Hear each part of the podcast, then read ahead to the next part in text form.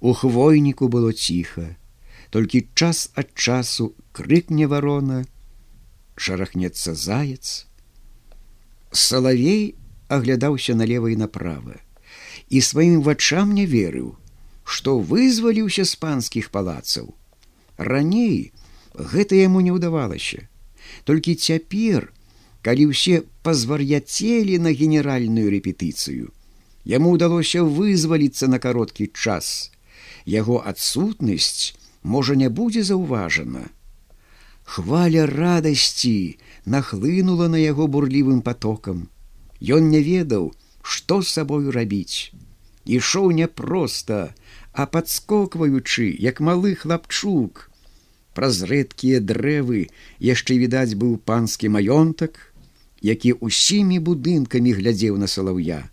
Здаецца, маёнтак гаварыў яму голасам нячутным: « Ці я цябе не песціў, ці я цябе не нянчыў, Ці голод і холод ты ў мяне цярпеў, Чаго ўцякаеш? Зочка, ды мала зосек ёсць у палацах. Гэтыя пытанні сыпаліся на салаўя, як невідочны мак.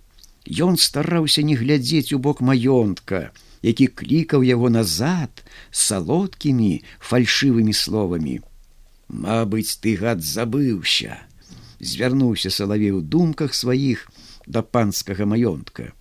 Аб тых здзеках, якія терпіць наш брат у тваіх сценах, воля і зоська мне даражэй за ўсё. Хутка скаваўся маёнтак. Салавей адышоў некалькі вёрст ад яго, Ён спяшаўся да зочкі.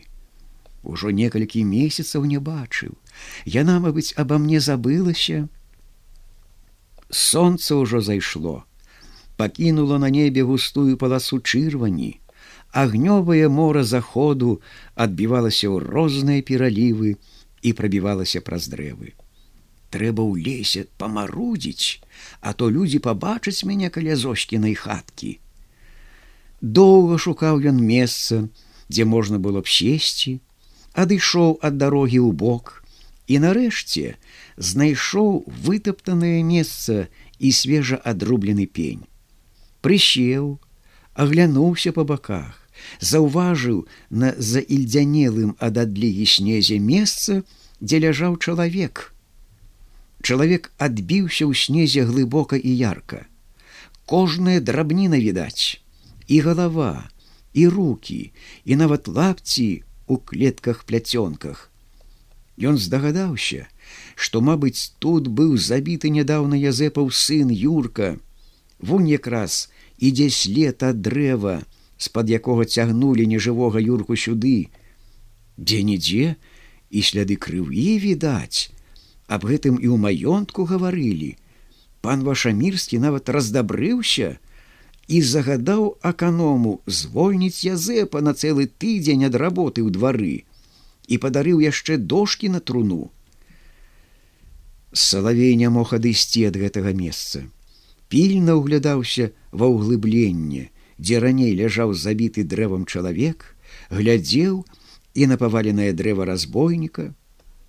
Жыва паўставалі ва ўяўленні салаўя розныя абразкі.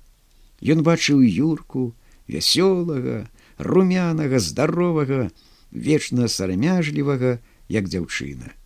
Бачыў і вясёлую хвою, якая ледзь не ў самае неба ўпіралася сваёй вяршалінай, птушки на ёй спявалі з ветрам яна шапталася. Таксама і голос аканома здаецца чуў. Аканом загадвае язэпу зрэзаць вось гэтае дрэва. З кожнай хвілінай усё больш і больш цямнела а салавей вачэй сваіх не бог адарваць ад гэтага месца ледзь праз оську не забыўся усхапіўся ён выйшаў з лесу пайшоў на цянькі ў бок зочкінай хаты. На цёмна-сінім небе блішчэлі зоркі. Яны былі рассыпаны нібы залаты мак. У недалёкай вёсцы брахалі сабакі. Ужо відаць была маленькая хатка, дзе жыла зоська з маткай. Уся ўвага, усе думкі салаўя былі цяпер накіраваны ў бок гэтай хаткі. Але так рана не можна туды ісці, людзі пабачаць. трэба тут пачакаць.